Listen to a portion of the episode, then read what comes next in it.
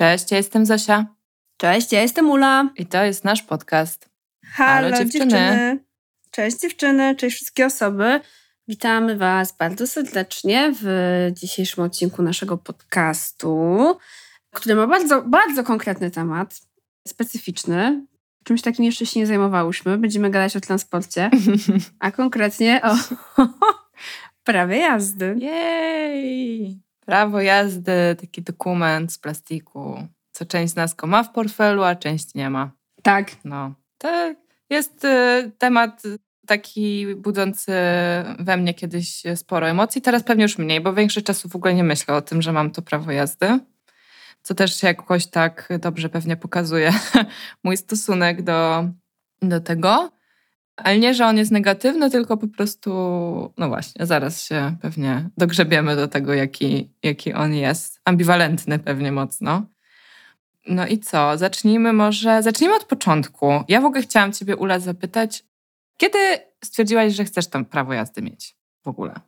Hmm, no to jest dobre pytanie. Wiesz co, myślę, że ja nie rozkminiałam za bardzo tego wcale, czy ja to prawo jazdy chcę mieć, czy nie, bo prawo jazdy w momencie, kiedy ja byłam nastolatką, po prostu się miało. W sensie to była absolutnie standardowa czynność, że w momencie, kiedy się miało 18 lat, to y, masa ludzi z mojej klasy próbowała iść na kurs. Dużo ludzi wiedziało, że będzie miało samochody od rodziców, albo że po prostu już ma jakieś tam samochody, którymi może jeździć, bo też osób dojeżdżało do szkoły spoza miasta. Mhm. Y, dla nich to na przykład był w końcu moment, że przysiąść się z pociągu na samochód. A dla mnie to był moment, że na pewno będę wiedziała, że będę chciała to zrobić, ale wiedziałam, jakby nie byłam mocno zmotywowana. Dla mnie to było coś takiego, że jestem dorosła, więc muszę mieć prawo jazdy, bo później w pracy jest w kategoria prawo jazdy, kategoria B wymagana i że powinnam też to mieć. I że to bardziej był u mnie taki vibe niż jakaś tam miłość do motoryzacji, bo ja nie jeździłam samochodem. W sensie u mnie w rodzinie za bardzo nie było samochodów. Ja się głównie przemieszczałam za pomocą komunikacji miejskiej, tudzież roweru. I wiesz, nie, nie byłam, że tak powiem, obyta w ogóle z samochodem, więc to bardziej było takie, że zrobię to dla papierka, żeby po prostu mieć to kat B. Mhm. I to było to. A jak było u ciebie? Okej, okay. właśnie to jest dla mnie bardzo ciekawe, że nie jeździłaś za dużo samochodem jako dziecko. Nie, w ogóle. Bo ja większość podróży odbywałam jednak samochodem, jeździłam z rodzicami i mieliśmy auto, a że mam trójkę rodzeństwa, no to, to najczęściej było jakieś takie duże auto rodzinne, typu van, typu minibus. Nie, no minibus to nie, ale, ale były to spore samochody, takie na jednak sześć osób. Ale powiem ci, że u mnie było tak samo w liceum, to znaczy w klasie maturalnej wszyscy rzucili się na te kursy i moje przyjaciółki się uczyły jeździć.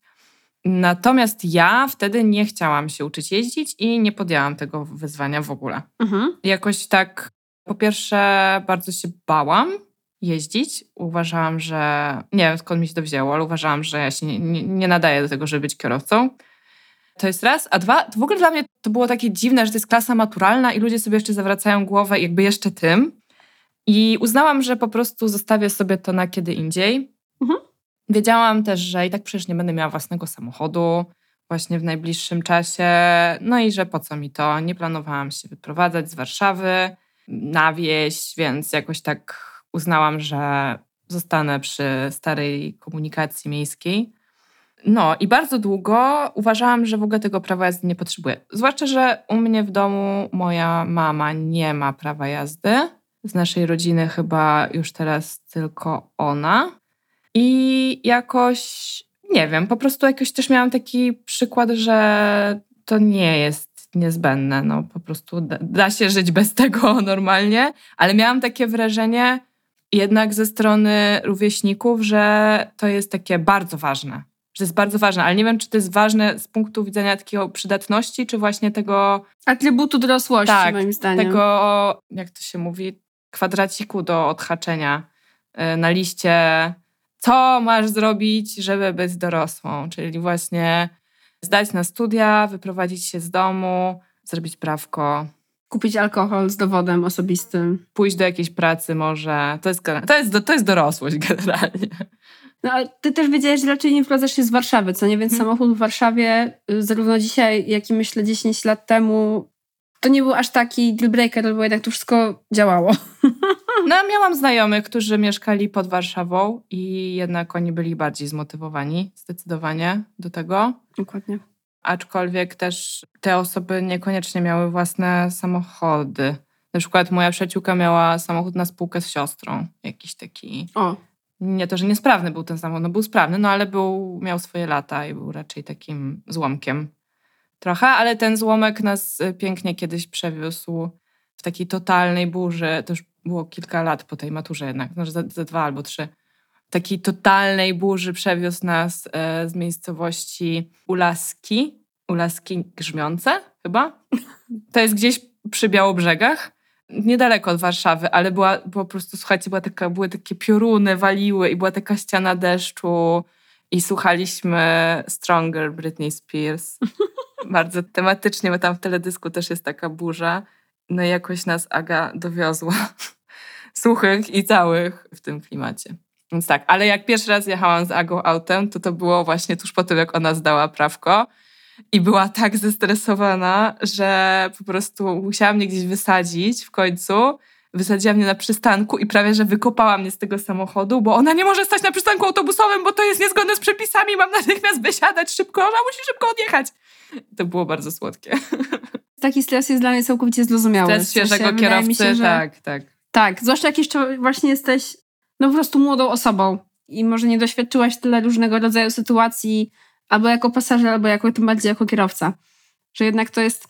To jest dla mnie akurat bardzo spoko, że naprawdę jazda samochodem, jeżeli nie masz jakiegoś paraliżującego stresu, który faktycznie ci to na maksa uniemożliwia i wtedy lepiej pewnie nie prowadzić, to jest to taka umiejętność, której naprawdę ekstra widać rozwój. Mhm. Naprawdę poszerzanie swoich umiejętności i zdobywanie tych doświadczeń jest w tym temacie widoczne. Ale wracając jeszcze do tych czasów zamierzchłych, prehistorycznych, no to ja też właśnie wiedziałam, że do matury to nie ma co robić tego prawa jazdy, ponieważ mam urodziny pod koniec roku, więc po pierwsze nie będę jeździła w zimą, bo to nie ma sensu, a po drugie matura jest za 4 miesiące, więc to też nie ma sensu. Więc ja wiedziałam, że to odłożę na wakacje i że to będzie taki mój wakacyjny plan, że zostanę y, na część wakacji w mieście i po prostu będę próbowała robić to prawo jazdy. Ale pamiętam, że miałam na przykład w klasie taki mój kolega, którego marzeniem było y, posiadanie własnego warsztatu samochodowego.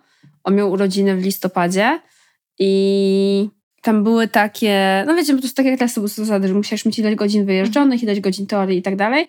I on to wszystko zrobił przed osiemnastką, w sensie on, on zapisał się na egzamin i tak dalej, tylko po to, żeby dzień po swoich urodzinach zapisać się na egzamin mhm.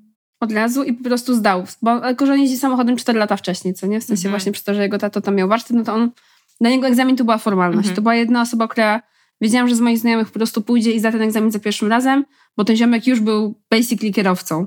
I świetnie się z nim prowadziło i to było ekstra, bo potem mogliśmy dużo razem sobie jeździć, słuchać muzyki. To było... I w ogóle posiadanie znajomych z samochodem to jest jednak, słuchajcie, mimo że nie żyliśmy w amerykańskich filmach ani serialach dla młodzieży, to jednak w tym było coś niesamowicie pociągającego, takiego po prostu cool, że możesz sobie z paczką swoich ziomków jeździć, słuchać muzyki, zajrzeć po jakieś duperele, typu, nie wiem, jakieś szybkie zakupy, na coś jechać na imprezę. To naprawdę było ekstra.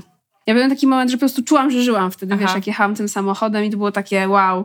Więc tak wygląda życie. Aha. To, ale to właśnie widzisz, a ja bardziej miałam taki, taki jakiś high emocjonalny z tym związany, kiedy więcej osób już miało samochody, czy tam rodzice im pożyczali i mieli to prawko i można było pojechać na wakacje. Hmm. I to był deal breaker, ale jak pierwszy raz pojechaliśmy razem na Mazury, to było tuż po maturze, to chyba jedno auto było i to nie przez cały turnus, że tak powiem. A tam do miasta, znaczy miasta, do miasteczka z przystankiem PKS-u było kilka kilometrów. No więc jakby zakupy, śmieci, oczywiście dużo śmieci po sobie zostawiliśmy w postaci szklanych butelek i trzeba było to jakby gdzieś odwieźć, bo ten śmietnik to był jeszcze gdzieś tam indziej we wsi. Więc Pamiętam, że tak z roku na rok tych aut na tym podjeździe przed tym domem było coraz więcej. I potem też był taki super, super komfort, że po prostu wszyscy mogli razem na te zakupy jechać, a nie, że jechały trzy osoby z kartką. I potem rozliczały się z tych, z tych browarów i karkówek i z tych chipsów i, i tego jednego batonika Mars, którego ktoś chciał. To miało swój urok, ale rzeczywiście było super, super zrobiło się komfortowo, jak już, jak już wszyscy, prawie wszyscy byli zmotoryzowani, albo przynajmniej jakby tych zmotoryzowanych osób było tyle, żeby mogły zabrać też te nie, niezmotoryzowane, czyli mnie na przykład. Tak. No więc tak, ja jakby wracając do tego tematu, ja bardzo długo w ogóle nie miałam takiej potrzeby, żeby mieć prawko i chyba dopiero jak miałam 23 lata, to wtedy zaczęłam się uczyć jeździć, ale sam egzamin już tak finalnie, finalnie zdałam, o Jezu, w 2018 roku, czyli miałam 28 lat. Czyli 5 lat różnicy między startem jazd a egzaminem. Tak. A co cię skłoniło do startu jazdy wtedy? Chyba y, poczułam, jak miałam te 23 lata, to poczułam, że może już czas. Ja, a, bo to był taki rok w ogóle, kiedy ja miałam przerwę. Po licencjacie nie poszłam na studia kolejne magisterskie, tylko sobie zrobiłam przerwę i to był taki czas realizowania różnych projekcików. Najpierw poszłam do pracy, do, pracowałam w sklepie z butami w Warszawie, potem, było ciekawe pół roku, potem zaczęłam pracować e, tak bardziej stażowo, wolontaryjnie w jednej fundacji i jak tam zaczęłam pracować w tej fundacji, to wtedy też zaczęłam się uczyć. Ja nie pamiętam, jaka była, moty- czy była jakaś taka motywacja na zasadzie, nie, no chyba po prostu uznałam, że dobra, już, no już czas, tak? Może to było tak, że już wszyscy, od, całe moje rodzeństwo już zdało to prawko też i mhm. możliwe, że byłam ostatnia i poczułam już jakieś takie ciśnienie. Chociaż moje rodzeństwo miało bardzo dużo podejść do, do egzaminów na, na prawko, mhm. do praktycznych zwłaszcza. Moja siostra bardzo długo nie mogła zdać górki na przykład. Hmm. Bardzo się męczyła na tej górce. No, górka jest triki. Ale wtedy było tak, że ja zrobiłam kurs, po czym wyjechałam na wakacje, po czym wróciłam do Warszawy na chwilę, spakowałam się, wyjechałam do Wrocławia. I po prostu wtedy nie podeszłam do tego egzaminu. Podeszłam do niego kilka miesięcy później, nie zdałam go. No i jakoś tak e, zniechęciłam się na długo. I potem kolejny raz, kiedy już uznałam, że bardzo potrzebuję tego prawa jazdy i postanowiłam zrobić kurs po prostu od nowa, od zera. Mhm. To było w roku 2017, y, kiedy byłam w pracy i byłam ostatnia na evencie. Wysiadł prąd w całej miejscowości i stałam na parkingu, właściwie na, na śmietniku, bo nie dało się wyjść głównym wejściem od hotelu, bo wejście było na fotokomórkę, a nie było prądu. Więc stałam na śmietniku w Ulewie, czekając na taksówkę, która jechała do mnie z, z Żyrardowa. I wtedy stwierdziłam, że it's about fucking time. W sensie, że gdybym miała prawo jazdy, to po prostu ktoś mi zostawił służbowe auto i bym sobie spokojnie wróciła spać do hotelu naszego. A tak, to był ten event, na który udało ci się nie pojechać, a tam była taka okropna pogoda, tam właśnie tak non-stop lało przez cztery dni chyba. Tak. No więc na tym parkingu o pierwszej czy tam drugiej w nocy podjęłam tę decyzję. I już miałam taki bardzo silny motywator właśnie w postaci, bardzo... w postaci pracy. Bezpośrednią presję. Tak, tak, tak, tak, tak. No. Ale to jest w ogóle generalnie niezwykłe, że my tak naprawdę właśnie pracując przez wiele lat w eventach, obydwie nie miałyśmy prawa jazdy, to. bo naprawdę jakby na tle naszych współpracowników, kolegów i koleżanek byliśmy wyjątkiem. Tak. Mam wrażenie, że zdecydowana większość, jeżeli nie wszyscy, którzy aktywnie zajmowali się produkcją, mieli prawa jazdy. To jest moim zdaniem w ogóle...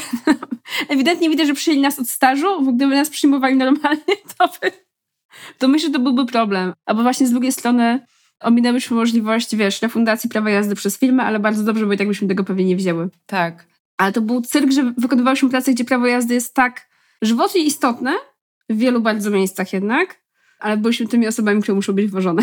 No, mega przydaje się w eventach prawko, to bez dwóch zdań, jakby chociażby, już pomijając takie sytuacje, że trzeba szybko po coś podjechać, no to po prostu najczęściej nie podróżuje się tylko z swoim podręcznym plecakiem, ale jest jeszcze, kurde, masa jakichś, nie wiem, rzeczy, które w ostatniej chwili się wrzuca do bagażnika, bo mogą się przydać po prostu i tak. No i poza tym jeżdżenie do magazynu po jakiś tam rekwizyt tak. Wszystko, sesa do lasa. Powiem ci, że... Ale słuchaj, mhm. długo daływałyśmy radę, naprawdę. Ja jeździłam taksówkami służbowymi po prostu tam, gdzie mogłam, a gdzie nie mogłam, to byłam wożona, a nawet czasem jeździłam komunikacją miejską. Tak. Jak wracałam ze spotkań z klientami, to na przykład czasem jeździłam komunikacją, bo jakoś mi się nie spieszyło z powrotem do biura. Czasami tak było szybciej niż jechać samochodem. Tak, tak. E, w zależności tego, gdzie było spotkanie, ale tak czy siak na pewno to był taki okres w moim życiu, gdzie ja najwięcej razy usłyszałam, ale jak nie masz prawa jazdy? Łącznie z tym, że później miałam takie eventy, że organizowałam faktycznie no, eventy stricte wyjazdowe za granicę i dalej wtedy nie miałam prawa jazdy. A to już były takie no, konwoje, że my tam jechaliśmy, wiecie, no, na 20-30 osób wieloma samochodami i dla mnie to było idealne, bo ja dzięki temu przynajmniej nigdy, wiecie, nigdy nie musiałam robić klasy na 20 godzin, czy na 16, czy na nawet 10. Po prostu wiedziałam, że mam, to jest mój czas, żeby być na tylnej kanapie i nie wiem, robić inne rzeczy. Ale powiedz, Właśnie z tym, żeby drzemać. Powiedz, no. to poczekaj, ale ty zaczęłaś się uczyć kiedy? Ja, no to, Jaka była twoja historia? Bo, bo ja pamiętam, że ona jest ciekawa. Moja historia jest bardzo prosta. Miałam dwa podejścia do prawa jazdy. Jedno białostockie, drugie warszawskie. Mhm. Białostockie podejście było, kiedy właśnie były te pamiętne wakacje między klasą maturalną a wyjazdem do Warszawy na studia. Moim zdaniem najlepiej podsumować jest moją naukę jazdy takim, wiecie, buddyjskim przysłowiem. Gdy uczeń jest gotowy, pojawia się nauczyciel. Ja mam wrażenie, że ja wtedy absolutnie, z perspektywy czasu oczywiście, wiecie, patrząc w przeszłość, ja mam nagle wzrok bez żadnej wady. 20 na 20 hindsight, tak czy siak. Z perspektywy czasu widzę, że mój nauczyciel nauki jazdy z Białego Stoku był absolutnie najgorszym nauczycielem, jakiego można było mieć, ponieważ, znaczy był spokoziomkiem, jakby wiecie, nie kazał mi się wozić na swoje prywatne sprawunki, ani jadł przy mnie kebaba, ale y, poza tym no, nie przekazał mi za bardzo żadnej wiedzy. Ja nie umiałam prowadzić tego samochodu dużo lepiej po 30 godzinach. W sensie, okej, okay, umiałam to robić, wiecie, umiałam zrobić te wszystkie rzeczy tak technicznie, ale nie czułam się wcale, nawet nie tyle kierowcą, bo nie jesteś w stanie być dobrym kierowcą oczywiście po kursie prawa jazdy, ale nie czułam się w ogóle pewnie. Mm. To nie była kwestia mojego stresu, tylko tego, że on po prostu mi też po prostu słabo tłumaczył. Dla mnie nie był odpowiednim nauczycielem, ale dał mi inną fajną rzecz, bo dał mi świetne drukowanie, dzięki niemu zaczęłam drukować, więc to też nie jest tak, że był bez, całkowicie bezużyteczny. Mm. Ale to był, wiesz, jakiś tam, nie wiem, typ niby z polecenia, jakaś szkoła jazdy, więc wiecie, no yy, teoria po prostu jeden weekend, a później masz te jazdy, tylko to było fajne. Pamiętam, że to jeszcze, ponieważ to było milion lat temu, to były jazdy nocne i trzeba było wieczorami jeździć, więc 10 godzin jazd musiałam odbyć wieczorem i to było spoko. Ale y, miałam to podejście, wiedziałam, że będę miała prawdopodobnie jedną szansę tylko, żeby zdać egzamin po tym kursie, ponieważ wyjeżdżałam. I niestety mój egzamin, słuchajcie, skończył się przed czasem. znaczy, skończyłby się dobrze, bo jakoś, wiecie, zestresowana, spięta, po prostu z nosem przy kierownicy prowadziłam ten samochód po białostockich ulicach i znanymi białostockimi klasami. Tam jest tylko jeden word na ulicy Wywiórczej i już powoli wracałam z tym moim egzaminem do tego wordu, no ale w którymś momencie niestety mój egzamin musiał zostać przerwany. Tam jeszcze była przed budową obwodnicy taka trasa, bo bardzo szybko jechał na nas tir który wymuszał pierwszeństwo. I egzaminator musiał użyć hamulców mhm. w samochodzie. Ja również tego użyłam. Zjechaliśmy do, y, jak to się nazywa? Pobocze? Nie na pobocze, tylko tak, takie, no takie bocze z takim dołem, nie? Aha. Po prostu zjechaliśmy tak trochę do dołu. Do rowu. No i egzamin, tak, o dziękuję, do rowu. No i egzamin musiał być anulowany. Aha. W sensie miałam jeszcze jedno podejście, ale no jakby on, on się nie odbył, bo egzaminator użył hamulców. Mhm. E, ja nigdy nie podeszłam drugi raz do tego egzaminu. Myślę, że też dlatego, że przez jakiś czas się byłam prowadzić samochód Jasne. potem, bo to było takie dosyć nieprzyjemne wydarzenie. Ale chyba było w gazecie następnego dnia, tak mi się wydaje, bo, to, bo ten tyl się wywrócił, czy tam było jakaś, coś, coś, coś mi się dalej działo generalnie, ale ja uznałam, że jakby chyba, chyba nie. No i nie prowadziłam potem samochodu. Co w sumie nie przeszkadziło mi, bo powiem Ci, że jak, jak się przygotowałam do tego odcinka, czy stawiałam, ile ja w ogóle ja raz w życiu prowadziłam samochód, zanim wsiadłam do samochodu i wyszło mi, że tylko raz w życiu byłam, wiesz o co chodzi, czasami, nie wiem, rodzice z dziećmi prowadzą samochód, czy tam jakoś, nie wiem, uczył swoje dzieci, czy cokolwiek. Mnie kiedyś uczył taki, powiedzmy sobie, wujek przez chwilę na lotnisku, no ale to było tylko tyle, że wiedziałam, gdzie jest gaz, a gdzie hamulec. Ale po tym niezdanym egzaminie, rok później, jak jechałam na wakacje, to prowadziłam, na szczęście nie w Polsce, samochód z automatyczną skrzynią biegów. Mhm. Nie mając prawa jazdy. Byłam taka, nie, jakby nie róbcie tego w domu oczywiście. Ja to robiłam na szczęście jakby w dalekim kraju, gdzie nikogo to chyba nie obchodziło, mhm. że nikt nie ma prawa jazdy, ale byłam taka, ej, te automaty to kompletnie inna sprawa. po prostu klikasz i jedziesz. Tak, to jest trochę jak taki wózek golfowy, czy jakiś kład taki, to jest bardzo dziwne. Tak. O, wózki golfowe też się prowadziło, to było ekstra. Ja uwielbiam prowadzić wózki golfowe, wózki golfowe, ale tak, w ogóle nie. Automat, jak, jak jechałyśmy, do automatu sobie może przyjdziemy, w ogóle zapomniałam, że istnieje taka kategoria pojazdów jak automaty. Ale tak, no i to właśnie to było moje podejście białostockie, które zakończyło się no po prostu, mm, powiedziałabym, spektakularnym fiaskiem. Do czasu, aż y, był właśnie 2018 rok. Zosia zdawała swoje prawo jazdy i miała bardzo fajnego instruktora, godnego polecenia tak. i Zosia poleciła mi tego instruktora. I słuchajcie, no i to był właśnie ten nauczyciel, na którego ja byłam gotowa. On nie był wcale, nie próbował się ziemować i też nie jadł kebaba, ale za to wszystko pięknie tłumaczył po prostu e, odpowiadał na każde moje e, nurtujące, wnikliwe, a czasem wkurzające pytanie. I no świetnie po prostu przygotował do tego egzaminu. Ale też wydaje mi się, że to, co było kluczowe u mnie, znaczy ja też jakby oblałam za pierwszym razem, żeby nie było w idiotyczny sposób, mogę się potem pochwalić, ale to, co moim zdaniem też było kluczowe między tym pierwszym a drugim egzaminem, to nie tylko 9 lat odstępu, tylko to, że ja miałam dużo większy kontakt z samochodami przez ten czas. Nawet taki pasywny, typu właśnie jeżdżenie ze znajomymi, jeżdżenie na wakacje, jeżdżenie w pracy jako pasażer, że wiecie, że po prostu byłam w stanie w końcu opatrzyć się z pewnymi sytuacjami na drodze, na co nie miałam w ogóle szansy przed osiemnastką, po prostu, bo nie jeździłam samochodem.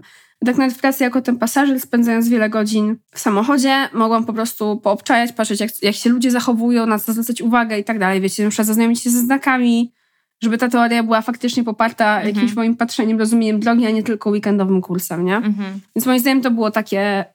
Oprócz jakości tego instruktora, która była ogromna i jakby warto szukać fajnego instruktora, to jeszcze wydaje mi się, że po prostu takie opatrzenie się z tematem dużo u mnie dało. Mhm. A myślę, że u mnie to z kolei była jakaś dojrzałość emocjonalna. Mm. Ja, nie byłam do, ja nie byłam gotowa zupełnie na jeżdżenie autem, kiedy uczyłam się, mając 23 lata. Po prostu zero wiary we własne siły, po pierwsze. Naprawdę. Po drugie, też nieumiejętność w ogóle panowania nad stresem. I ja te egzaminy chyba za dwa razy podeszłam do egzaminu na prawko przed tym, jak powtórzyłam ten kurs mhm. i za każdym razem oblałam na łuku. Mm. I to nawet było tak, że ja miałam super instruktora w pewnym momencie, którego mi poleciła moja koleżanka z liceum. On był naprawdę ekstra, ten instruktor. Z nim był tylko jeden problem taki, że on jeździł autem, które wtedy jakby było już wycofywane jako oficjalne mm. auto egzaminacyjne. I po prostu, no, generalnie lepiej jest się uczyć na tym aucie, które będzie na egzaminie, żeby sobie jeszcze tego dodatkowego stresu nie dokładać, że nie pamiętasz, gdzie tam się, nie wiem, przesuwa fotel do przodu czy do tyłu, tak? No po prostu tak. trzeba to auto znać na pamięć i jakby mieć to z głowy przynajmniej. On mnie super uczył jeździć w ogóle na tym łuku, tylko bardzo ambitnie, bo on kazał mi jeździć w ogóle patrząc wyłącznie w lusterka. Mhm. Nie ta metoda z tym, że tutaj jak mijasz ten pachołek, to przekręcasz o tyle kierownicę, tylko żebym ja naprawdę to umiała zrobić. I ja się tego nauczyłam, ja z nim to robiłam dobrze, ale potem pojechałam na ten plac, na egzamin, no i po prostu stres od razu mnie zjadł. W ogóle nie byłam w stanie tego przejść. I się obraziłam na to. Po prostu się obraziłam. Jakoś tak wewnętrznie uznałam, że ja się po prostu tego nie nadaję. Ale ten instruktor, którego ci poleciłam, chyba Łukasz miał na imię. Łukasz. On był taki dziwny. W sensie to był bardzo dobry instruktor, ale też on nie był jakiś taki super. On nie był ani miły, ani niemiły. On był bardzo neutralny, był bardzo profesjonalny. Był mega rzeczowy. Tak. Mega rzeczowy typ. Tak. I ja rzeczywiście lubiłam z nim jeździć. On mnie doskonale przygotował. Ja po tym, jak on mnie uczył, to zdałam egzamin od razu. Zapisałam się na, na egzamin. Pamiętam, że był to Wielki Piątek, więc to musiał być jakiś tam końcówka marca chyba. Była przepiękna pogoda, świeciło słońce, miasto było puste, bo ludzie wyjechali już na Wielkanoc, więc wszędzie były, słuchajcie, puste miejsca parkingowe. Też rano w tygodniu, nie? Po prostu puste miejsca parkingowe na tym Bemowie, gdzie zdawałam. Więc w ogóle były idealne warunki, idealne warunki, nie zrobiłam żadnego błędu na tym egzaminie. Oczywiście jechałam totalnie spięta, zestresowana i tak dalej, ale było, było super i zadzwoniłam, pamiętam, że zadzwoniłam potem do Łukasza i powiedziałam mu, że nie popełniłam żadnego błędu, a on powiedział, zapytał mnie, czy mogę na stronie internetowej tej szkoły napisać komentarz i dać pięć gwiazdek. Ja mówię, no dobra, spoko. To jest jakiś ranking, to jest to chyba, to była wtedy tam, nie wiem, druga najlepsza szkoła w Polsce czy w Warszawie, już nie pamiętam, chyba w Warszawie. Pewnie, w Polsce byłoby to pewnie ciężkie. Ale ja pamiętam, że ty nikomu nie mówiłaś nie. chyba, że będziesz miała egzamin i po prostu przyszłaś i powiedziałaś, że go zdałaś. I to było takie. Tak, powiedziałam tylko naszemu szefowi, bo musiałam powiedzieć, że się spóźnię do pracy, bo to było w godzinach pracy. Ale nie powiedziałam nikomu, dlatego że jednak, no właśnie, to jest, to jest kolejny ciekawy temat. Oczekiwania nie tylko nasze własne, ale jeszcze bliskich i świata związane z tym egzaminem. Mnie to nie pomagało. Po prostu ten egzamin jest też trudno zdać. Ten egzamin jest trudno zdać, więc w ogóle moim zdaniem jakby nie należy sobie cisnąć za to, że się go nie zda za pierwszym, czy drugim nawet razem, czy nawet trzecim, bo tam łatwo się wyłożyć na jakichś takich głupotkach, Moi bracia, którzy też już przecież jeździli normalnie i dobrze i długo, nie byli w stanie bardzo wiele razy tego zdać. Ale po pierwsze to kosztuje kasę, więc to jest tak. pierwszy stres. Po drugie właśnie są ci wszyscy kibicujący rodzice, krewni, znajomi królika. I potem jest to takie, o no, znowu się nie udało. Więc y, rzeczywiście wolałam to przeżyć sama. Uznałam, że będzie mi tak łatwiej. Jak nie zdam, to nikt się nie dowie. I to była taka satysfakcja po prostu wyjść z tego wordu i zadzwonić do mojego taty i mu powiedzieć, że właśnie zdałam prawko. On tak, a ty miałaś dzisiaj w ogóle egzamin? Ja mówię, jest, niespodzianka. I to było super, piękny dzień, bo tego następnego dnia zaczynały się, no już jakby ferie wielkanocne, są krótkie, ale ja od razu po nich szłam na urlop i jakby na tej pięknej energii hehe wjechałam moje wakacje. Ale bez auta, bo jakby jeszcze nie miałam tego prawka wyrobionego. No tak. Musiałam poczekać. Bo trzeba jeszcze zapłacić tak. i wyrobić, lecieć do urzędu. Tak. tak. No to powiem Ci, że ja też skopiowałam to od ciebie, tak jak, skopiowałam, jak, jak wziąłem od ciebie namiar na prowadzącego zajęcia, to wziąłem namiar również, wziąłem psychiczny namiar na to, żeby nikomu nie mówić, jak będę miała egzamin. Ale jak ja się szykowała, jak ja się szykowałam tego egzaminu, to słuchaj, ja znalazłam to właśnie teraz, jak rozmawiałyśmy. Znalazłam moją notatkę ze wszystkimi uwagami do mojej jazdy, jakie miał nasz prowadzący. Bo ja, słuchajcie, ja się uczę jakby też przez doświadczenie i tak dalej, ale lubię sobie napisać rzeczy, wtedy lepiej po prostu pamiętam, mogę do tego wracać, bo ja często po prostu też łatwo zapominam.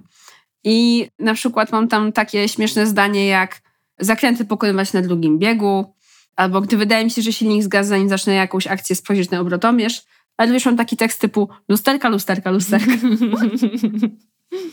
No to jakoś, jakoś od tego 2018 roku pewnie już na tą notatkę nie patrzyłam, ale pamiętam, że ona była mega przydatna. I jak Łukasz właśnie zobaczył, co ja robię, on mówi, co ty tu masz? Ja mówię, no wszystkie uwagi, jakie powiedziałeś do mojej jazdy, bo jakby ja później nie mogę tego popełnić przy tym typie, który będzie moim egzaminem. On mówi, możesz mi to potem wysłać?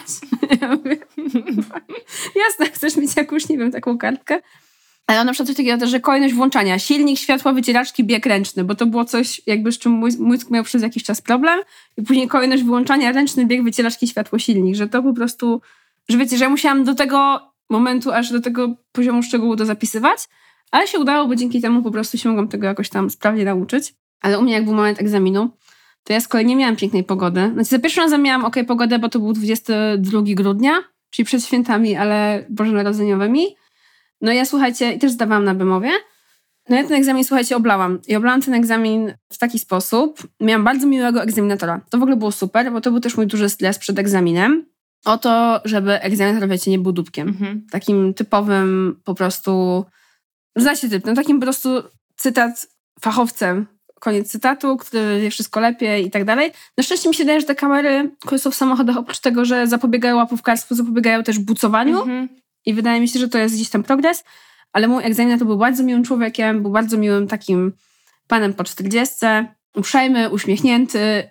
To było bardzo mega pomocne, ale niestety, ponieważ nie wiem, czy znacie specyfikę regionu Bemowo w Warszawie, no to też ten region jest y, pociechany jednokierunkowymi, bardzo wąskimi uliczkami i są takie specjalne właśnie osiedla, gdzie się te osoby podczas egzaminu prawa jazdy testuje. I wiecie, jak macie tu listę manewrów, co musicie zdać podczas egzaminu, no to jedną z tych rzeczy jest wyjechanie z jednokierunkowej ze skrętem w lewo. Albo przynajmniej tak mi się wydawało, że to było wtedy to.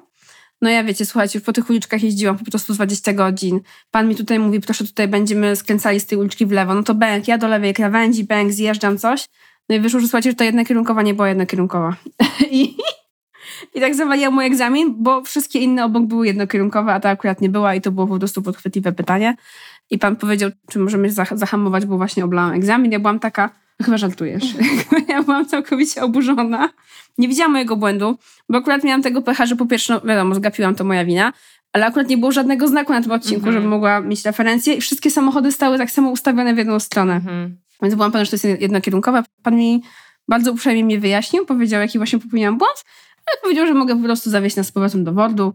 No i nara powodzenia, wesołych świąt.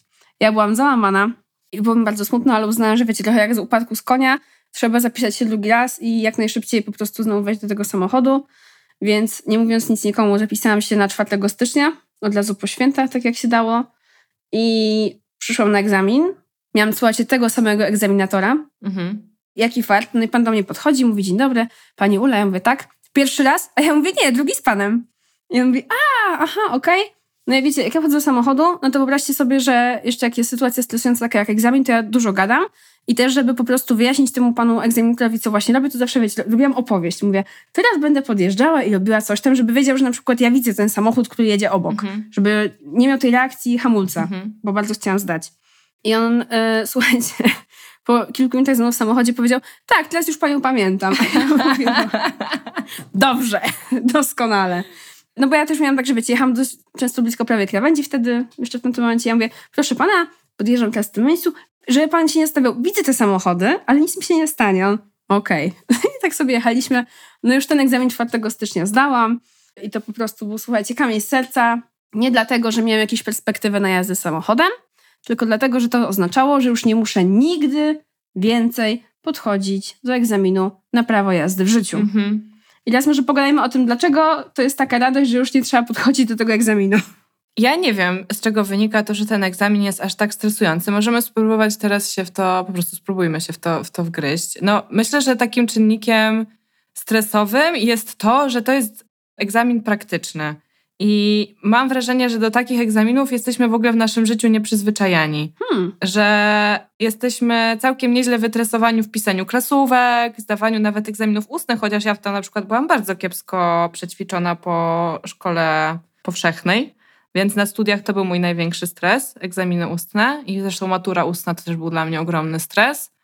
Mhm. Ale tak wiecie, żeby usiąść, ja też mam taką pamięć fotograficzną dosyć, więc na przykład potrafiłam zamknąć oczy i zobaczyć swoje notatki, bardzo przydatna umiejętność, zwłaszcza wow. jak się uczysz języka, którego nie rozumiesz. Czy może tak, nie języka, którego nie rozumiesz, tylko jakby tematów w języku obcym, które cię nie interesują. O. Mhm. Tak, więc ja bez, bez zbędnego, zbędnego z mojego punktu widzenia rozumienia tekstu po prostu go spisywałam z pamięci. Było niesamowite, ale tam nie możesz tego zrobić, musisz po prostu faktycznie wykorzystać te umiejętności, które przez te 30 godzin nabywasz, a umówmy się, to jest strasznie mało tak naprawdę, bo w ogóle to nie jest, tak. to nie jest kurs, który przygotowuje do jeżdżenia, tylko właśnie tak jak powiedziałaś, do tego, żeby zdać egzamin więc to jest jedna rzecz. Wydaje mi się, że, że właśnie ten taki element praktyczny, a to, co ty powiedziałaś na przykład, że dużo mówiłaś, nie? A mi się zawsze mhm. um, trzęsą kolana na przykład, tak? No i mhm. jestem w samochodzie, gdzie muszę kontrolować bardzo dużo rzeczy. Jak mi się coś trzęsie, no to to też jednak nie ułatwia, więc takie właśnie fizyczne doznania z ciała. W przypadku, kiedy prowadzę maszynę, która może zabić, no to mnie to, mnie to mega stresowało, że po prostu za mocno mi drgnie to kolano i nie wiem, albo wcisnę gaz za bardzo, no wiecie, no po prostu w stresie różne rzeczy z tym ciałem się mogą wydarzyć. U mnie zwłaszcza właśnie to drżenie, drżenie rąk, mhm. drżenie nóg, a one i tak drżą z wysiłku na tym sprzęgle, na tym gazie, na tym hamulcu, więc to po prostu, mimo że jest ten e, egzaminator i on też ma hamulce dostępne pod stopami, jakby też ma doświadczenie i potrafi zareagować, czy tam, nie wiem, złapać za kierownicę i skręcić, no to to jednak jest sytuacja potencjalnie niebezpieczna. Więc takie mam dwa pomysły na temat tego stresu silnego. Jak ty myślisz? No, ja myślę, że na pewno wtedy się we mnie uruchomiła fizjologia, e, której wcześniej nie znałam. Aha. Na pewno nie znałam w takiej skali, bo czekając na egzamin, w specyficznych warunkach, czyli wiecie, w stary, wtedy w starym, brudnym, zimnym, nieogrzewanym budynku Wordu na Bemowie. Po pierwsze drżałam, ale to bardziej pewnie myślę z zimna niż ze stresu, bo raczej w sytuacjach stresowych się nie, nie ruszam, ale zaczęły mi się pocić dłonie. I byłam taka, wow, jakby to jest coś kompletnie nowego, mhm. że ja dosłownie tak czuję, że jestem tak zestresowana, że pocą mi się dłonie. Słuchajcie, zacząłem, zaczął mnie boleć brzuch i miałam takie, wiecie, fantomowe siku. Mój, mój pęcherz dawał mi znać, że musi iść do łazienki. Ja próbowałam, mówi pęcherz, jakby dogadajmy się, ty, ty oszukujesz, ja nic nie piłam, tam już nic nie ma, mm. jesteś pusta. On mówi, nie, nie, musisz iść do łazienki teraz. A ja było okropne. Mm. Bo wiecie, to jest wszystko po prostu yy, poza wasz, całkowicie poza waszą kontrolą. Tak. Czyli wasze ciało się stresuje i zaczyna to okazywać w ten sposób. Ja pamiętam, że mi z tymi rękoma na pewno pomogły rękawiczki, żeby mi się ręce nie ślizgały na kierownicy. No plus było zimno, plus podczas mojego egzaminu zaczęła jakby padać taka ilość śniegu, że to była śnieżyca. Mhm. Więc to też jakby się przydało, żeby było ciepło i przyjemnie. Ale ta fizjologia i w ogóle taki, wiecie, taki naprawdę na maksa fizyczny stres, zwłaszcza, że on też jest dość długotrwały. No, przychodzisz na egzamin, ale nie wiesz, czy przyjdziesz za 5 minut, za 15, za 20. Tak. Bo tu było jakieś 20 minut, 20, 25 minut oczekiwania. I naprawdę po prostu czujesz te narastające objawy stresu, czujesz te napięcie, nie możesz nic z tym zrobić. Wiecie, jak macie normalną sytuację stresującą, ona jest dużo krótsza. A tam jest wydłużona, a tak naprawdę to jest tylko takie preludium do tego, co będzie się działo przez kolejną godzinę. Tylko wtedy już na szczęście byłam tak skupiona, że nie byłam w stanie się po prostu tym przejmować. Ale mi się wydaje, że to dlatego...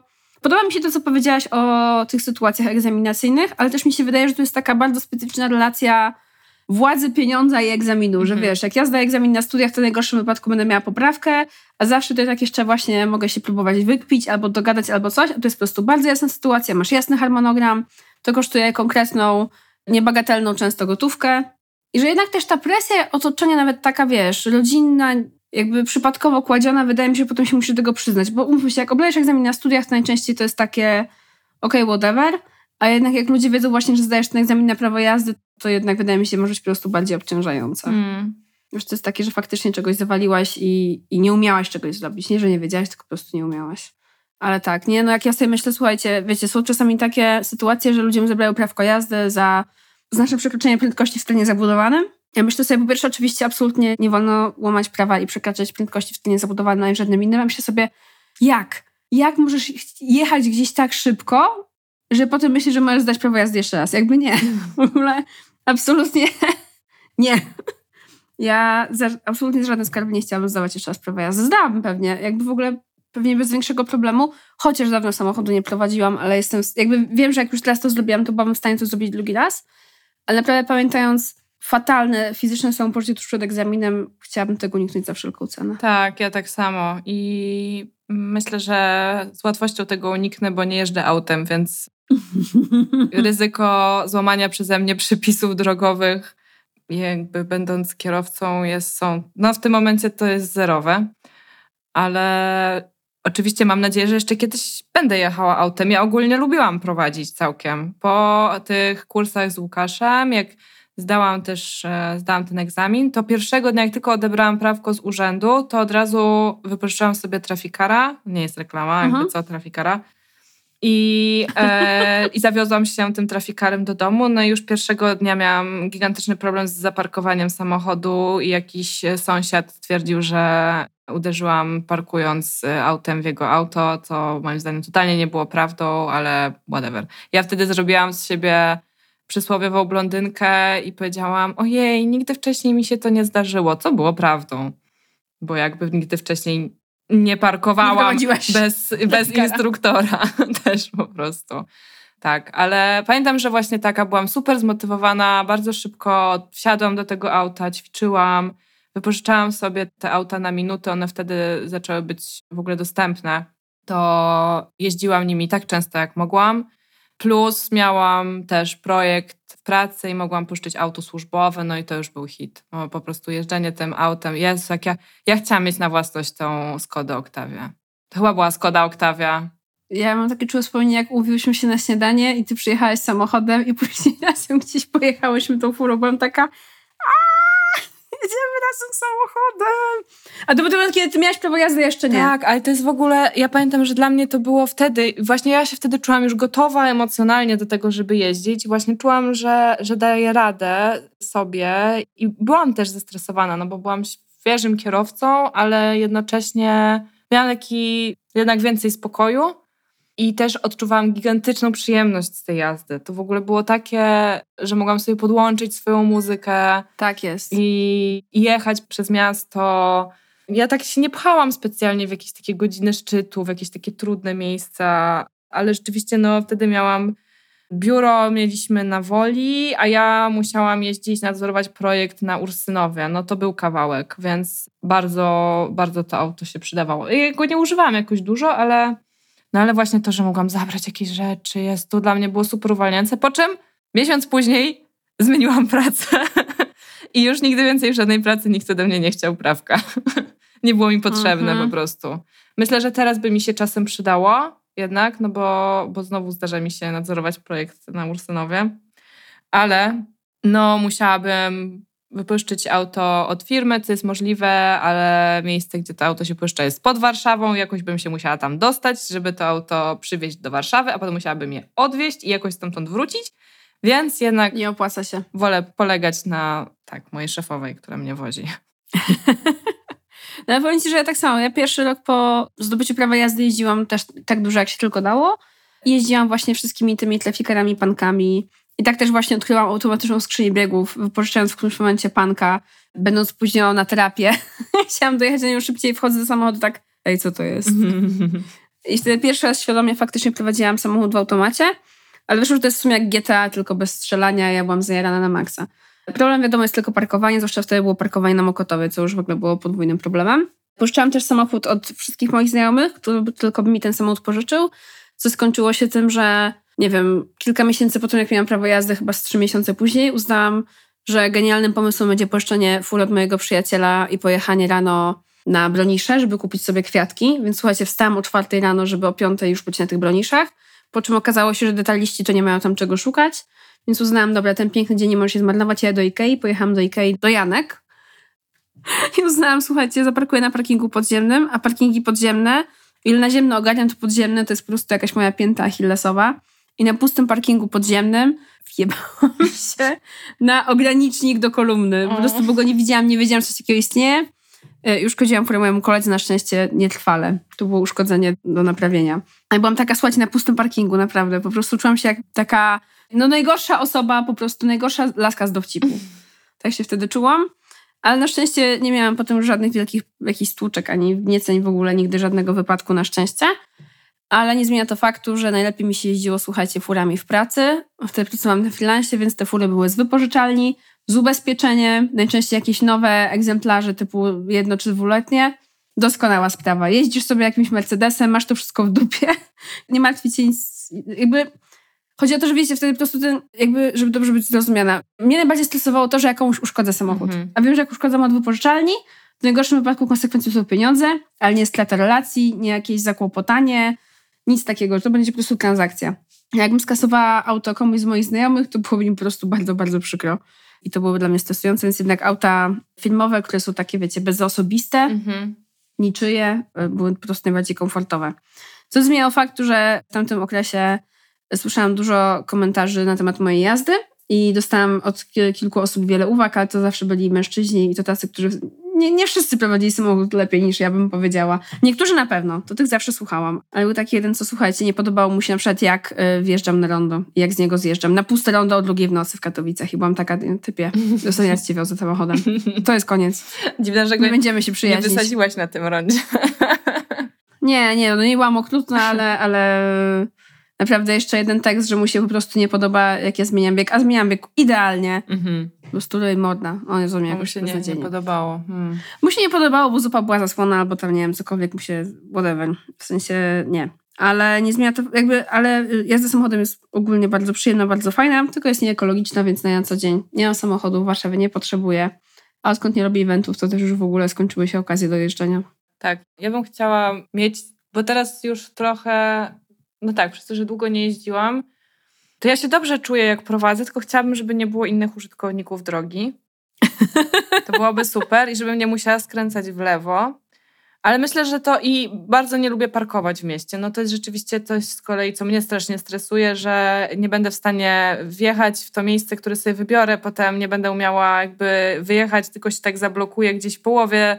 To będzie na pewno jakaś wąska uliczka w śródmieściu która spowoduje tam wielki korek, wszyscy będą na mnie trąbić i właśnie będą jedni próbowali mi doradzać, inni będą na mnie wrzeszczeć. Ja po prostu widzę to oczami wyobraźni i ta sytuacja mnie przeraża. Mhm. Myślę, że po prostu kiedyś sobie wezmę jakieś jazdy doszkalające i po prostu będę tłukła to parkowanie, chociaż ćwiczyłam je naprawdę, naprawdę długo, naprawdę i prosiłam wtedy Łukasza, że dawaj jeszcze raz, nie, jeszcze raz, ja muszę, ja muszę, muszę ogarnąć to parkowanie. No ale jakoś równoległego nie ogarnęłam nigdy, tak naprawdę. I na szczęście go nie miałam na, na egzaminie. Ale bardzo bym chciała poczuć znowu ten wiatr we włosach i zabrać auto gdzieś mhm. w trasę. W sensie właśnie móc wziąć tyle rzeczy, ile chcę, a nie tak, żeby jakby tak super logistycznie mieć to ogarnięte, żeby dało się dojechać z bagażem na dworzec, czy tam na lotnisko, jakoś się z tym zabrać i potem jeszcze się przemieścić z dworca czy z lotniska do hotelu, tak żeby nie umrzeć po drodze. Fajne jest w podróżowaniu autem to, że po prostu wrzucasz do tego bagażnika. Jak masz ochotę wziąć kołdrę, to bierzesz kołdrę. Jakby pamiętam, jak byłam w takim szoku, jak e, spotkałam się z kolegą, który właśnie jechał na Openera i podjechał pod mój blok. No i to był jakby ostatni przystanek jego przed wyjazdem z Warszawy. Mhm. Dlatego, że ja coś mu miałam dać. I on otworzył bagażnik i ja patrzę, a tam jest właśnie kołdra, poduszki. Ja mówię, po co ci to? Bo on jechał na pole namiotowe. On mówi, no żeby mieć wygodnie w namiocie. Ja mówię, ale kołdra do namiotu? On mówi, no co, no przecież w czym problem? I ja sobie nagle zdałam sprawę z tego, że no tak, po prostu czemu nie? W sumie jest miejsce. Ja byłam przyzwyczajona do tego, że wszystko muszę mieć na swoich plecach, więc absolutnie nie będę nigdzie woziła kołdry. No, także jakby z tego powodu cieszę się, że mam to prawo jazdy. Wierzę, że jeszcze je wykorzystam. Mhm. Natomiast, no tak jak już wcześniej wspominałaś ty i, ja też, po prostu Warszawa dla mnie jest miastem, w którym nie jest potrzebne prawo jazdy, żeby sobie, żeby sobie radzić po prostu. Może w takiej sytuacji... Jak nie masz dzieci, tak, nie musisz mieć żadnych dokładnie, takich sytuacji. Dokładnie, właśnie tak chciałam typu. powiedzieć, że brak uh-huh. dzieci na pewno... Ja myślę, że da się jakoś ogarniać życie z dziećmi bez auta, ale na pewno jest to dużo trudniejsze tak. i w ogóle mnie nie dziwi to, że zmienia się perspektywa na posiadanie auta w mieście, kiedy pojawiają się tak zwane bąbelki. Tak, bąbelki zmieniają dużo rzeczy, tak słyszałam. Podobno. Ja powiem Ci, że byłam pewna, yy, znaczy pewna, poczułam się pewnie z moimi umiejętnościami jeździeckimi, kiedy musiałam odebrać kogoś z dworca centralnego i musiałam wjechać w tą, w ten Saigon po mhm. prostu, który tam się dzieje z taksówkarzami, parkingiem. Musiałam tam wjechać, zaparkować, zapakować ludzi, wyjechać i zaparkować potem na chorze niedaleko. I byłam taka, Byłam wkurzona, znerwowana. Co chwilę bałam się, że właśnie jakiś taksówkarz przyjdzie i po prostu sprzeda mi, nie wiem, liścia w twarz, ale no bo tam jest po prostu hardkorowa tak. atmosfera jak na mnie. Ale byłam taka, I did it, zrobiłam to, po prostu kosztowało mnie to nerwy, ale jestem, jestem kozakiem, bo gdzieś wjechałam. Tak. No na pewno właśnie dla mnie jazda samochodem wymaga pewności siebie i tego, żeby podejmować decyzje, no bo jakby jedziesz albo nie jedziesz po tak. prostu. Tak. Nie możesz jakby tak trochę pojechać po prostu, nie. więc... Y, zwłaszcza, zwłaszcza tutaj w tym mieście. Tak, a ja, ja miałam takie tendencje z czasem, że wiesz, oj, światło się zmienia, czy jestem na środku tego skrzyżowania, czy powinnam teraz hamować, czy powinnam dalej jechać, ja dobra, zamykam oczy i jadę, albo dobra, daję po hamulcach. Jakby jak się uczyłam jeździć, to tak to często wyglądało. Teraz myślę, że to już nie byłby taki problem. Tak, ale taka wiara w to, że, że umiem jeździć tym autem, to, to jest moim zdaniem klucz do sukcesu, chociaż są też ludzie, którzy uważają, że umieją jeździć, a totalnie tak nie jest. Ale to już jest inna historia. To jest inna historia. A ja też na przykład miałam potem, wiesz, więcej też takiego zluzmyja dla osób, które się uczyły, pamiętając, mhm. jakie były moje początki. I też wiesz, jednak jak, ty, jak ja prowadzę samochód, to jestem w to na maksa zaangażowana. W sensie potrafię prowadzić oczywiście też rozmowę, ale to nie będzie żadna ambitna wymiana doświadczeń. Jestem na maksa skupiona i staram się, żeby to wszystko było, wiecie, fajne, płynne, absolutnie, żeby nic nie gasło i tak dalej. A potem na przykład jadę z różnymi moimi znajomymi, bliższymi, dalszymi i patrzę, że właśnie niektórzy są tacy, wiesz, że szarpią, a niektórzy są tacy, że też spoko, płynnie, myślę sobie, nie, ja w ogóle wszystko wybaczam, bo to, że my po prostu zeszliśmy z drzewa i teraz prowadzimy jakieś zmotoryzowane maszyny jest całkowicie niesamowite. To prawda, to prawda, to jest bardzo dziwne. Na pewno matka natura nie miała tego w planach. nikt by tego nie zaplanował, zdecydowanie. Nie, nie, nie. Ale cieszmy się, że to mamy. E, ja jeszcze kiedyś w planach może, nie wiem, zrobię sobie jednoślad, bo to jest akurat przydatne. Hmm. Ale no, tylko w tematach jakichś wyjazdowych wakacyjnych nie chciałabym jednak na co dzień. Na co dzień lubię rower. Albo najbardziej, najbardziej to kocham metro i tramwaj. Ja, ja też bardzo... Ja w ogóle bardzo lubię autobusy, które mają kiepski PR. Większość ludzi nie znosi jeździć autobusami. Ja akurat bardzo lubię, nie, może jestem przyzwyczajona, ale też tak w daleką podróż lubię jeździć autokarem. No, pociąg jest niby wygodniejszy, ale ale lepsze widoki są moim zdaniem z okna autobusu. No chyba, że jedziesz przez Niemcy i jedziesz tylko i wyłącznie autostradą, to wtedy rzeczywiście nie ma nic. Pamiętam już, kończąc to trochę y, wszystko, mhm. ale pamiętam jak pierwszy raz byłam we Francji, no może nie pierwszy raz, ale tak, że jechaliśmy faktycznie przez całą Francję autem z moimi rodzicami. Ja byłam taka, proszę, to jest ta piękna Francja, to jest w ogóle wszędzie tak brzydko i płasko i w ogóle, a my po prostu jechaliśmy cały czas autostradami, więc nie byliśmy w żadnych uroczych miejscowościach, tylko właśnie tak. No to jest trochę nuda. Jak jechałam pierwszy raz autostradą, to właśnie jechałam do Niemiec. I byłam taka dumna, że dojechałam z Warszawy do Berlina. Kolega mnie zmieniał dwa razy. Mhm. W sensie na początku wyjeżdżał, no bo mnie odbierała, a później już mu dałam wjazd do miasta, bo uznam, że jakby wjazd do Berlina po kilku godzinach prowadzenia auta to, to jest za dużo stresu. Ja nie chcę, ale jakby to całą trasę Warszawa-Berlin poza miastami zrobiłam. Byłam się taka Jezu, jestem kierowcą! I tych uczuć życzę wszystkim osobom, które chcą podejść kiedyś do egzaminu na prawo jazdy. Bo naprawdę, jeżeli nas słuchają osoby, które mają to w planach, tego jeszcze nie zrobiły, to możemy powiedzieć, że słuchajcie, będzie dużo stresu pewnie i dużo nerwów, zwłaszcza jak jesteście laskami, niestety tak to wygląda, ale to też może być potem fajne. Potem wreszcie żyjecie ze swoimi ziomeczkami na jakąś fajną wyprawę i to wszystko się wyrówna. Tak, tak, chociaż możecie też zrobić to, co ja, aczkolwiek na razie bezskutecznie, czyli postanowić sobie, że wasz następny partner będzie miał, bądź partnerka będzie miał e, auto oraz prawko i będzie was woził, bo ja mam taki plan. Na razie, jakby wiecie, nie, nie wpisałam tego w żadną apkę, że nie masz auta, swipe w lewo. Mogłabym, wyszłabym na blachę. Może byś mogła właśnie, może to by ich weryfikowało. No, na pewno, ale nie wiem, nie wiem w jaki sposób, czy, czy w tę stronę, w którą bym chciała do końca. W każdym razie prawko to fajna rzecz i uważam, że ono w dzisiejszych czasach nie jest niezbędne, ale mówię to z perspektywy właśnie osoby mieszkającej w dużym mieście. Wiem, że pewnie jeżeli mieszkacie gdzieś, nie wiem, w małym mieście bądź na wsi w Polsce, to auto może być absolutnie niezbędnym łącznikiem pomiędzy wami a resztą świata, gdyż albowiem w Polsce jest mało PKS-ów i coraz mniej połączeń kolejowych, z tego co wiem. Tak więc z tej perspektywy mojej to jest łatwo, ale Wiadomo, punkt widzenia zależy od punktu siedzenia. Tak, tak. Znaczy, tyle... Niektórzy siedzą w tramwaju, niektórzy w samochodzie. Tak. Znaczy, ja nie mogłabym powiedzieć, że lepiej jest mieć prawo jazdy niż nie mieć, no bo właśnie totalnie zależy jak dla kogo i zupełnie nie... Ma, mam nadzieję, nie wiem jak jest, może wy nam powiecie, jeśli jesteście na przykład młodsze od nas, czy obecnie jest jakaś presja na to, żeby, żeby robić to prawko, czy jednak jest taka tendencja bardziej... Bo moim zdaniem presja na to, aby mieć własne auto, może dzięki temu, że jednak są te auta na minuty, czy że taksówki są dużo tańsze niż kiedyś, no to może to trochę, trochę spada, bo ogólnie ponoć wchodzimy w taką erę subskrypcji, wynajmowania wszystkiego na minuty, godziny, jest. dni. Sharingu. Tak, sharingu i tak dalej. E, ale nie wiem, jak jest z, z tą presją, żeby w ogóle mieć ten, ten plastik. To dajcie znać fakty są takie, że ani u ciebie, ani u mnie prawo jazdy nie odmieniło naszego życia. W sensie, nie. wydaje mi się, że nasze życie wyglądało bardzo podobnie, niezależnie od tego, czy byśmy to prawo jazdy miały, czy nie. To jest, wiecie, nice to have, tak. ale w ogóle nie jest y, w naszym życiu obowiązkowe. Więc jakbyście miały ochotę, mieli ochotę napisać, jak to jest z tym u was, to zapraszamy do kontaktu na halodziewczynymałpa.gmail.com Możecie też do nas napisać na Instagramie bądź Facebooku. Będzie nam bardzo miło, jeśli polecicie ten albo inny odcinek naszego podcastu komuś, komukolwiek, ktokolwiek tam jest i nas słucha. Jeszcze, albo właśnie jeszcze nie słucha, żeby mógł albo zacząć. jeszcze nie słucha, tak jest. A my tymczasem się odmeldowujemy i słyszymy się za dwa tygodnie. Tak, trzymajcie się, pa pa! Pa!